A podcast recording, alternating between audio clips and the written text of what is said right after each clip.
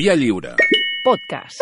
que ja són aquí, que ja està, que ja fa temps que som aquí. prétention, j'ai mauvaise réputation. I avui també, què millor que reflexionar. M'agrada molt avui l'article del Quim Monzó, no sé si l'heu llegit ja, eh, sobre la jornada de reflexió, que diu, home, és que ara tothom se'n fot de la jornada de reflexió. Sí, molt seriosa la jornada de reflexió. Molt seriosa. I, I dona indicacions de com s'ha de reflexionar. I diu, primer, enviar la canalla lluny perquè necessites una certa tranquil·litat.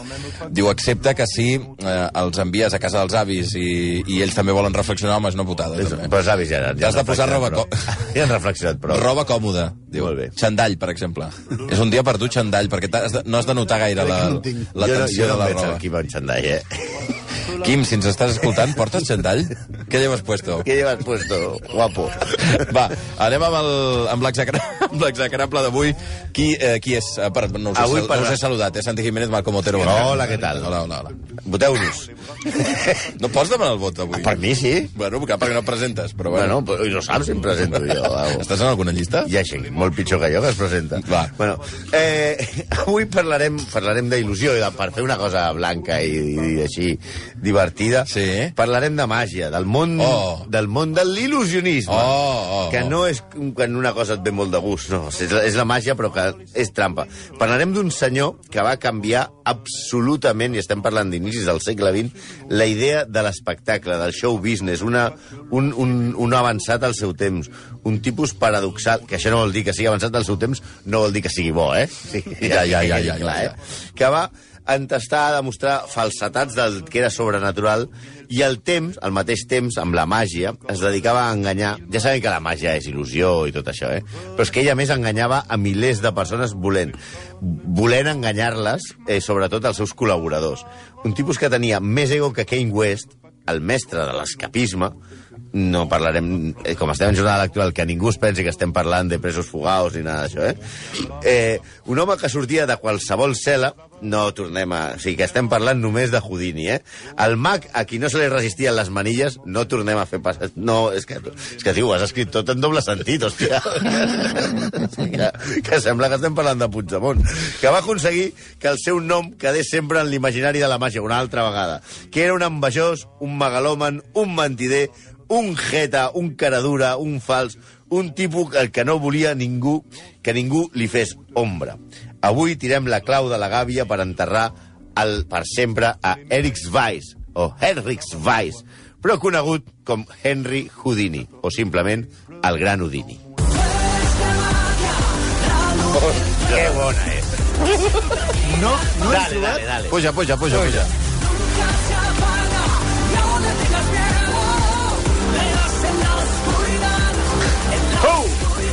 I aquí ha fet la volta.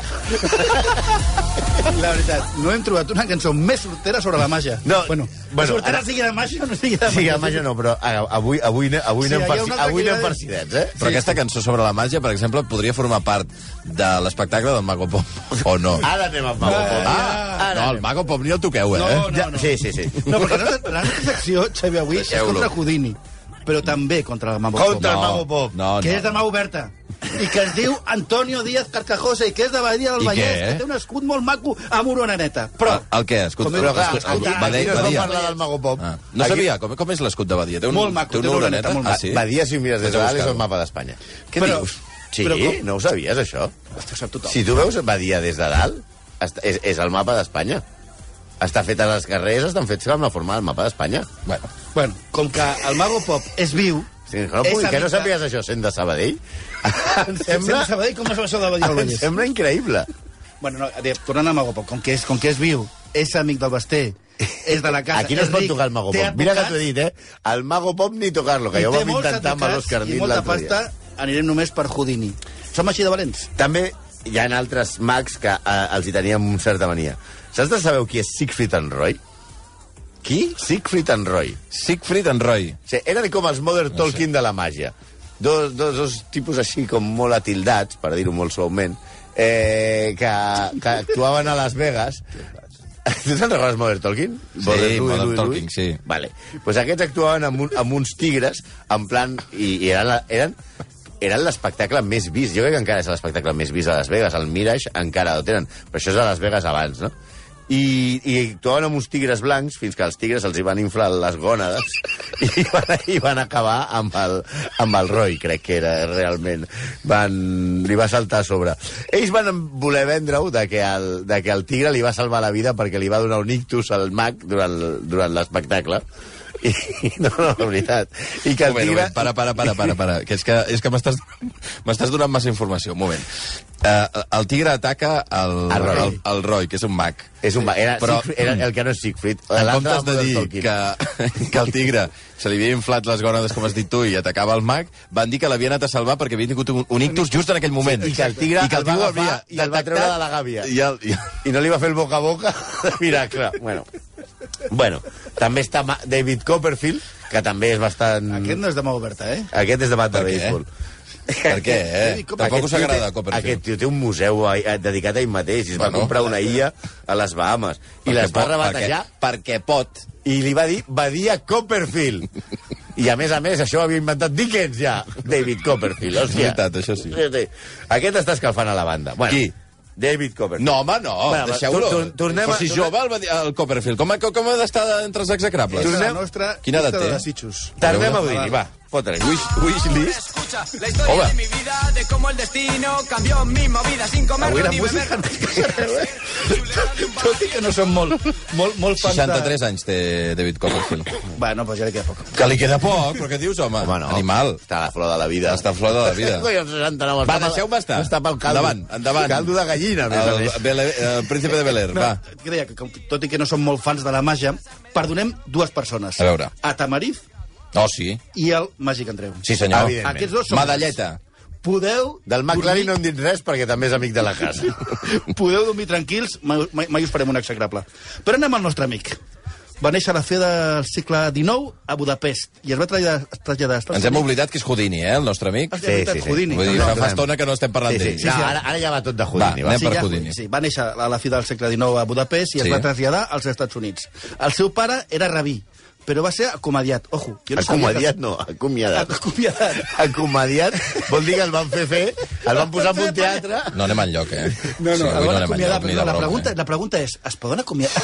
es poden, es pot despedir un, un, un rabí? Qui et fa fora? Jo no sabia això. Ja, Et fa fora ja ve, Ja ve ja ve i diu, i ve ja ve i diu, No, no, ya no, has, no, no has cumplido con los objetivos, Rabino, anda, anda, puto Rabino, fuera, no quiero volverte a ver. No, Calma. famós... Are you fired, Rabino?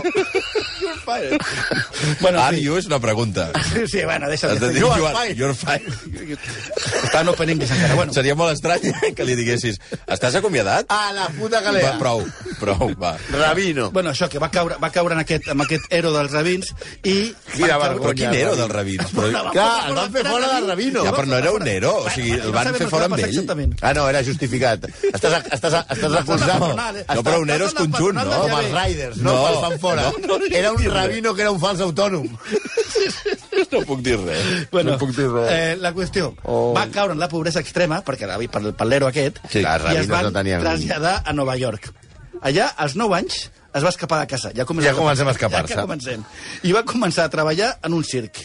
A les seves memòries diu i aviat vaig aprendre a oferir espectacles de titelles de porra. Ja estem una altra Ah, vegada. ah, sí, aquells que es van pagant, eh? Ja estem una altra vegada. Com avui és dia de reflexió, ha hagut de posar les titelles de porra. Ah, no sé si com volem dir, eh? Com volem No, dir. deixa, calleu, calleu. Que avui la Junta Electoral pot eh, dir alguna cosa. Exercir de ventríloc Ah, i fer de pallasso. ah, Però què té a veure? perquè tot és amb la política. Pallassos, ventrílocs i porres. Prou, prou, fins aquí. De- D'aquesta manera, Oh. diu ell, vaig adquirir l'experiència que possiblement em va preparar per endinsar-me en el món del rei de les manilles Ah! i escapista de presons. Ah! Títol que m'he guanyat justament. El rei de les manilles s'ha de dir que potser també és les cuevas del Sado. també jo em veig una dòmina... Sin bombament, no? Bueno, però, però, El rei de les mans. El rei de les manilles i de les maraques. però la veritat, va començar a tenir un paper, tenint un paper fix de trapecista. Bailent. I es feia, rei de les manilles. 22. I es feia Allò. dir Uf. Eric, el príncep de l'aire. The Prince of the Air. Per això, Això, la clar. cançó del príncipe de Belén. Clar, molt jove ja es decideix, a, després de ser... Com veu del trapeci és bastant perillós, diu vaig a fer la màgia. Havia llegit una biografia del francès Jean-Eugène Robert Houdin, el mag que va modernitzar l'espectacle i va fer que la màgia passés de ser un numeret de fira per a pobres que els hi aixecaven els calés a un espectacle molt popular i molt rendible. Però li va fotre el nom al... Exacte. Ah. Ell admirava molt a Robert Houdin i ell va posar aquesta I final perquè encara que no havia estudiat l'ESO, creia que aquesta I, a la fi de la paraula, significava m'agrada en francès. M'agrada. Sí, és estrany, però... L'englet- L'engletí... L'engletí m'agradí. Mira com Dembélé acaba ané i no aní. Vale? En, els, en, el, en la majoria de llibres que va escriure Houdini, tots amb el to de soc un geni, soc la puta llet, ell diu que es va posar Henry, també que no es deia Henry, com hem dit, com homenatge a un altre mag, Harry Keller. Però els seus biògrafs unànimament creuen que va pensar que Henrich era molt més complex pel públic americà. És com si es digués Cesc Fàbregas a Espanya. Xesc. És impossible Xesc. que ho pronunciïn bé. Sí. Sex. Sex. Sex. Rex. Tex-Mex. Rex. Vale. Sex. Bueno, però aquí ja arriba un dels trets de la personalitat del nostre tarat d'avui. Com deia el Santi, es posa el nom després del gran mag Robert Houdin, o Houdin, però això, clar que feia? Que el més gran de la història fos el francès, i això no ho podia permetre. O sigui, que perquè el convertien en el referent. Clar, Clar. això no podia ser. Ell havia de ser el mag més famós del món i de la història. I llavors va començar a dir que Houdin li havia robat els trucs a altres mags i que l'únic original era ell. Però, perdona, això va començar a fer un execrable de... Exacte. Sí, No, sí, no, sí, sí, sí. Va començar a dir, Van- bueno, a veure, tampoc no era tan bo, És eh? que ja se sap que entre ells es piquen molt, Sí. eh? I fins i tot va escriure un llibre. Hi ha com molt bon rotllo entre els mags i els Home, realitat. Oh! Tu has vist més de dos mags, a part de Siegfried i Roy i els tigres, actuant junts? Sí, perquè Francio te echo unos polvos y desapareces. Bueno, Va. cosa, va escriure un llibre que es diu El desemmascarament de Robert Houdin. No sabem de què No era sé, el llibre. molt críptic, Però Ah, va escriure un llibre per rajar de... Per Sí. El que es diu un llibre sencer, libelo. Hosti. On pretenia esborrar de la història el pioner de la màgia com a espectacle. En certa manera, ho ha aconseguit, Sí, perquè perquè avui ningú, ningú se'n recorda. recorda qui és Houdin, i Houdini és una icona, diguem-ne, cultural mundial, no? Baby, soy el mejor. Suave, haciendo el amor. Baby, soy el mejor. Tenia aquesta actitud una mica, eh? Sí, una mica aquesta. Aquesta cançó és encara pitjor que la primera que hem posat. Sí. Potser la pitjor cançó que hem posat a la, a la secció, no? Aquesta? Jo crec que aquesta és realment és soy el mejor. Perquè si la, si, la, si la sentim sencera, No cal. el tio parla de la seva pinga i tot. Bueno, Bueno, va, vale. eh, avancem. anem. Avancem. Sí, fins i tot a mi aquesta cançó m'escandalitza. Bé, el que anava. Ell havia de ser el millor dels millors. Però en principi no solament no era realment un gran mag en la màgia aquesta de prop, tipus eh, màgica Andreu Tamarit. Amb les cartes i la màgia convencional era bastant normalet, fins i tot deien alguns mediocre. No era Messi, no passava de ser alenya. Així que va començar a pensar en destacar i se li va acudir portar la, la, la, les actuacions a l'extrem. Les manilles, les cadenes, ficar-se en dipòsit d'aigua, escapar de calabossos, i aleshores és quan comença a triomfar. De la mà també d'un nou mànager, els mànagers són molt importants, viatja a Londres i captiva el públic de l'Alhambra Theatre, que ja, a part de ser una cervesa, també és un teatre. Bueno, i una ciutat, Alhambra. La Bueno, una ciutat, una, Sí. d'acord, una, un... Jo només conec la roja i la verde. Monument. Monument. Jo només conec la- l'Alhambra roja i l'Alhambra verde. D'acord. Si li han posat el nom perquè hi ha alguna cosa més, no sé per què. I comença una gira europea que el tio comença a anar i es comença a ser realment famós. Escòcia, Holanda, Rússia, i guanya molts diners. Guanyava 300 dòlars de l'època a la setmana, que amb la maquineta aquesta que ens vam comprar per internet Sí. són 8.400 dòlars d'avui. De, de, quan? A la setmana? A la setmana. Començant, eh? Ja començant. Com col·laborar a RAC1. És un col·laborador de recursos. Hombre, aquest sí que m'agrada. Aquesta cançó sí que La- m'agrada. crec que es, es refereix Aquests- molt bé a Houdini. Aquests són d'hòstia. els cantafós. A tots, els- I tots els que teniu nens, nebots, nets o que sigui. Sí, aquesta gent són eh, de presó permanent no revisable. Va. Bueno, una, un dels trucs preferits de, era de Houdini era amb la policia. Què vols dir? Ja estem una altra vegada. Hòstia, que és dia de reflexió. Deixa de dir coses que ens tanquen l'emissora. Hòstia. Sortir d'una cel·la, d'un calabó, d'un calabós... Era, Ja estamos, otra vez. era un dels números que més agradaven. Ah, sí, del, el de Sí, Estic normalment- tancat i de cop... Brec. Si normalment Sí, però- li donaven la clau o un rossinyol... Però penseu eina- que abans ell, ell per fer-se la promoció, arribava a un poble mm. o a una ciutat, se'n anava amb la, amb la premsa a, a veure els policies Sí. i deia, emmanilli'm i davant d'això el tio es treia les manilles. Ah. Que això a la gent impressionava molt. Però què passa? Que Això això... s'impressiona encara. No, no, normalment els policies li donaven la clau o un rossinyol que se, se l'amagava a la boca o on sigui. No, on sigui, no. Bueno, també hi havia a, a més llocs que diuen que s'amagava coses, però i, i si no el que feien és que primer li feien un escorcoll i després la policia dissimuladament l'obria les, les manilles. Uh -huh. La policia, diguem-ne, que estava, era, era connivent. Però Ja un, dia, un, un dia un policia a Colònia, Alemanya, Sí. va denunciar que havia subornat els seus companys. No Òbviament. fotis. Sí. Clar, I aleshores Houdini, que estava molt nerviós perquè això podia acabar amb, la seva, amb el seu prestigi, el va portar a judici. Tot i sabent que perdria, perquè era veritat. Mm -hmm. Rollo Eduardo Dinda, te porta o te lleva a juicio. Però va guanyar, perquè li va proposar al jutge obrir-li la caixa forta i ho va fer. Encara que les seves memòries va confessar que el jutge s'havia oblidat la caixa oberta. No fotis. Sí, Sí, la- sí va, va, va dir-li... Tio era molt intel·ligent. Soc- saps? sí, Oh, que, però, Sí, tenim clar que Houdini, quan feia això de les manies, ell eh, es guardava, normalment es guardava la clau a la boca o a la policia que hi havia al costat, li guardat. passava la clau i li, pas, li donaven. Però també feia altres moments perquè ell es tancava amb les cadenes, corrien un, un, una cortina Sí. i ell, i fins i tot a vegades ell es feia com registrar abans eh, per veure que no tenia res.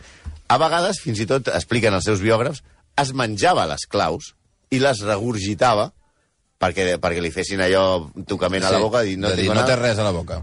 I també utilitzava altres cavitats del cos Ai. per amagar claus Ai, i mira. rossinyols. No. O sigui, El aquest nas. tio no tenia un Però un- cul, però un moment, tenia no. un blue space. No. Hosti, que comentari més desagradable. Ja, bueno. Un rossinyol és una... Una ganzúa. Una, sí, Una ganzúa. Aleshores comença... Sí, no, no, no, no l'ocell, eh? Home, no, pobre. Home, però si aquest tio... No, no és igual. No és vull saber res. No vull havia saber espai. res. No vull saber res. Hi havia espai. No, no, prou. Allò, la bicicleta, Però, la bicicleta va, de petit... va, va, bueno, va. Houdini comença a guanyar molts més diners, a, comença a ser molt famós. Es compra una mansió, és milionari, fa desaparèixer elefants. A qui us recorda? Eh, Botswana? Botswana? Botswana? Va, va, va, va. però de manera bastant més subtil.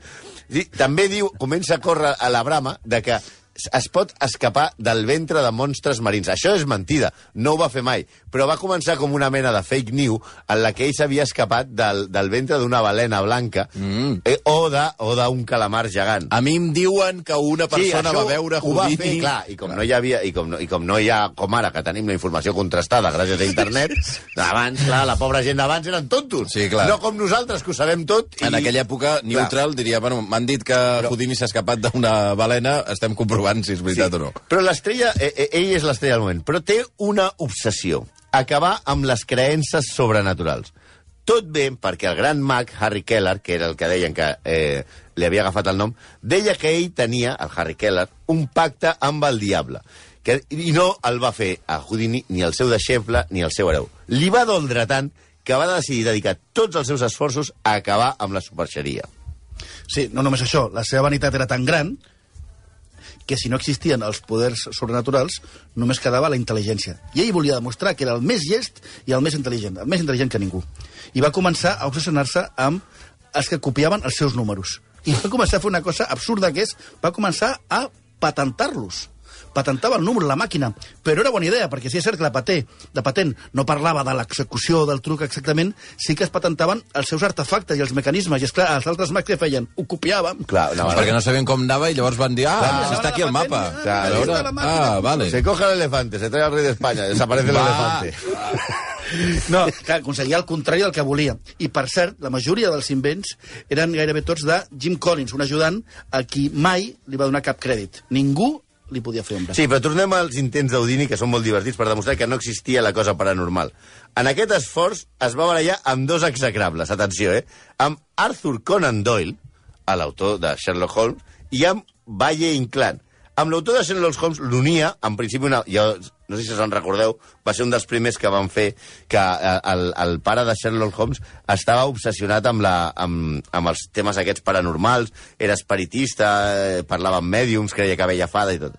I tenia molt bona relació amb, amb Houdini. Però tot es va trencar amb una sessió d'espiritisme en la que Conan Doyle i la seva dona, suposadament, van fer parlar a la mare d'Houdini en perfecte anglès. La mare d'Houdini, senyor Conan Doyle, era húngara. No va parlar mai una paraula d'anglès. Tot i que no sé si els morts allà poden anar a, a l'opening English aquest. Però vamos, collons, no calia Va parlar en un idioma que no... Si, si Sherlock Holmes la caga tant, on anirem a parar? Sí, sí, sí. Això de Valle Inclán, i és un altre tema, va ser perquè un aristòcrata, Joaquín Argamasilla, Hombre, Argamasilla. Argamasilla, ¿dónde Argamasilla. Deia que- ¿Cómo está Argamasilla? deia que va, que va acabar ¿Cómo sent... ha ido hoy el vientre? Argamasilla. Va! Aquest tio va. amb el franquisme va Oh. acabar sent un dels caps de la censura, eh? Però aquest tio, quan era jove, deia que tenia el poder de veure a través d'objectes opacs. És a dir, podia veure una carta dintre un sobre, Sí. etc. Clar, a Espanya s'ho van creure tant que la reina Maria Cristina, no la, no la execrable que van fer, sinó la següent, va crear una comissió en Ramon i Cajal per comprovar si era cert. Sí, els reis pre- preocupant-se de veritat del que li preocupa a la gent. Los, los problemes reales. Este ve las cartas o no ve las cartas. Un dels que s'ho va creure al 100% va ser Valle Inclán. Sí. El tal Argamasilla, Argamasilla, se'n va anar a Nova York on Houdini i la seva per, dir per, per competir amb ell. I va, Sí. i va intentar competir amb Houdini. I la premsa dels Estats Units i d'Estats Units i el tal Houdini el van humiliar. Li van dir, Argamasilla, go home, you are a fake, Argamasilla, go back. Corre- No obstant això, el corresponsal d'ABC, Mantín, vaya, va escriure Todos los grandes periódicos han proclamado el triunfo de Argamasilla, de Argamasilla Triumph, y se burlan donosamente del atrevido Houdini. En fi, es veu que abans de Llibertat Digital ja existien alguns fakes. ens, contactaran, ens contactaran a Bogan Argamasilla. Ràdio. Com segueixes així, eh? eh? Però no creia, no creia. Una mica What do creuria... you think, Argamasilla? una mica creuria quan li van dir quan li va dir a la seva dona unes paraules secretes per si un mèdium deia que havia entrat en contacte amb ell. Després de mort, clar. Sí. Així sabria ell si, si deia la veritat o no. no? Jo, tinc, jo tinc unes paraules de temulento, botella, mm, pantalla... Aleshores, Si no diu aquestes paraules, no soc Sí. jo, que ara estic parlant des de, des de més enllà. I això és com els, partits, com els partits polítics, que diuen no, no, nosaltres no creiem en les enquestes, però fan el que diuen, no? Sí, a més a més, eh, eh, un altre tret de, de característic d'Houdini és que volia ser sempre el centre d'atenció en tot. Això sí, eh, el tio era imaginatiu i va canviar molt el tema del, del show business. Per exemple, quan arribava a una ciutat, això és realment literal, contractava set calps. Com set Sí, calps. ara- Set, set senyors sense pèl. Ah, i, i per què? Perquè els hi pintava les seves lletres, les del seu nom, al cap. Oh, ah, dame una H, dame una O, dame una O. I què feien aquesta gent? Anaven Posaven així, amb el cap pel així, carrer? i posaven pel carrer i posava Houdini. Sí, sí. De... Home, realment... Si podem posar la imatge, existeix la imatge, eh? Ah, sí? Hi ha foto? Sí, Sí, sí, sí. la foto de tots els tios de... Eh, realment, això a mi em sembla meravellós.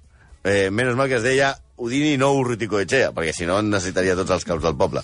Estava totalment mal. També en aquella societat tan conservadora, ell no es tallava mai en sortir gairebé en pilotes o en calça molt curta lluint el seu cos. Ell ja s'ha de dir, eh, estava, estava molt ben preparat físicament, estava bastant catxes, era un tio que practicava la natació, practicava la boxa, i era, i era un home a- amb un cos que li agradava molt exhibir-se, mm. com el rei de les manilles. però, no, però no sempre l'acollida del públic, i sobretot de la crítica, sortia bé. Hi ha un munt de ressenyes negatives, sobretot les que parlen de que abans de l'espectacle el tio es marcava un speech, un sermó d'una hora que avorria les ovelles. Però a la gent. Sí, sí. sí. Ui, quin... Clar, perquè el tio ho devia fer durar. Hi ha una ressenya boníssima que diu que no era un monòleg, és un diàleg, però només amb Udini, un soliloqui. De- Udini, Udini es deia ell mateix. Qué brillant és vostè, senyor Udini. I Udini contestava, el més brillant, sens dubte, moltes gràcies, m'agrada que em faci aquesta pregunta. Quina bogeria. Però no, que, està, que estic mm, A veure. enviant la foto, Sí. buscant la foto aquesta de... Dels caps. Dels Caps. caps, sí. Ho ell, ell, ell, ell volia triomfar eh, en tot, fins i tot com a escriptor. Va escriure diversos llibres, però sobretot la seva fama va créixer amb algunes històries de les seves gestes molt ben escrites a revistes. En una d'elles, Houdini és segrestat a Egipte Oh. i tancat a un temple del tiplà de Gizeh, ah. allà al costat del Nil. Òbviament, ella aconsegueix escapar. Bien. I fins la seva mort es va creure que aquesta història era certa, era real. Però, però després es va saber que no havia passat. Oh. I alerta, no l'havia escrit ell. Va. L'havia escrit ni més ni menys que H.P. Lovecraft, el novel·lista de terror famós. Houdini era una Ana Rosa Quintana. El que passa que Ana Rosa Quintana li va demanar un pringat i aquest li demana a un dels escriptors més importants de l'època. Sí, Udini ja hem dit que tenia molta visió comercial. Ell va veure que si hi havia una cosa que agradava al públic, ell volia ser-hi. Per això ahir va veure que el cinema anava a petar-ho i va intentar ser actor de cinema i, aquell, i va fer fins i tot diverses pel·lícules. En aquella època, els que portaven admiració per sobre del cinema per la gent eren els pilots d'avió. Així que es va gastar una fortuna en un avió, un biplà francès, un Voisin, que va contractar un mecànic i va sortir a la premsa com el primer pilot que va volar a Austràlia el 1910. Llàstima que era també mentida. No era cert. Vaja. El primer que ho va fer va ser Colin Defries. El millor era la seva passió per l'aviació, es va aturar... Eh, és que la seva passió per l'aviació es va aturar un cop fet l'anunci. No va tornar a agafar un avió mai més. Almenys sabem que Houdini va inventar alguna cosa. El postureo. Però el tanto amb el postureo, perquè el nostre home va acabar morint per culpa d'això. Per culpa del postureo. Del postureo. Amb 52 anys. Va ser reconegut per un grup d'estudiants que li van proposar posar-lo a prova a veure si era tan resistent com deia. Estava el- molt catxes, eh? I el repte de era que si li donaven cops de, cops de puny a, a Ja l'estómac... estem amb la CUP, ja, està, ja ho has dit, ja ho has colat. Ja ho has colat, el dia de reflexió. Cups de puny. Ja, ja. a l'estómac i ho van fer. A mi la Junta. Es veu que no estava preparat i un, estu i un del, del, dels estudiants era una mena de, de Bud Spencer i li va donar un, li va trencar l'apèndix. I clar, va tenir una peritonitis i l'hospital va morir. Sí, ell, ell després no va dir res, que li havien pagat aquella pallissa, però després va voler man seguir mantenint el seu paper i es va desmaiar amb una actuació. Els metges li van diagnosticar, com deia el Malcolm, una peritonitis, que se'l van dur, atenció, a l'altre barri, el 31 d'octubre de 1926. 31 d'octubre, a part de ser el cumpleaños d'en Sofati, és la nit de Halloween. Per això, espiritistes de tot el món, aquesta nit, a més de totes tonteries que fan, convoquen el seu esperit per veure si també s'escapa de la mort, perquè hi senten les deu paraules aquelles que ell li havia dit a la seva dona que el reconeixerien. I no saben que una era Argamasilla. Me estàs enganyando. Bé, 11 i 38 minuts, avui eh, Harry Houdini, o, com, en fi, el seu nom original, Erich Weiss. Vais, Molt bé. Weiss. Quan Weiss. parles alemany em fa por, eh? ¿Dónde Em sembla vais? que invadiràs Polònia, ¿Dónde eh? vais? Erich, ¿dónde vais? 11 i 38 minuts. Com Gràcies, de exagerable. Basilea. Bueno, Tout le monde viendra me voir pendu, sauf les aveugles.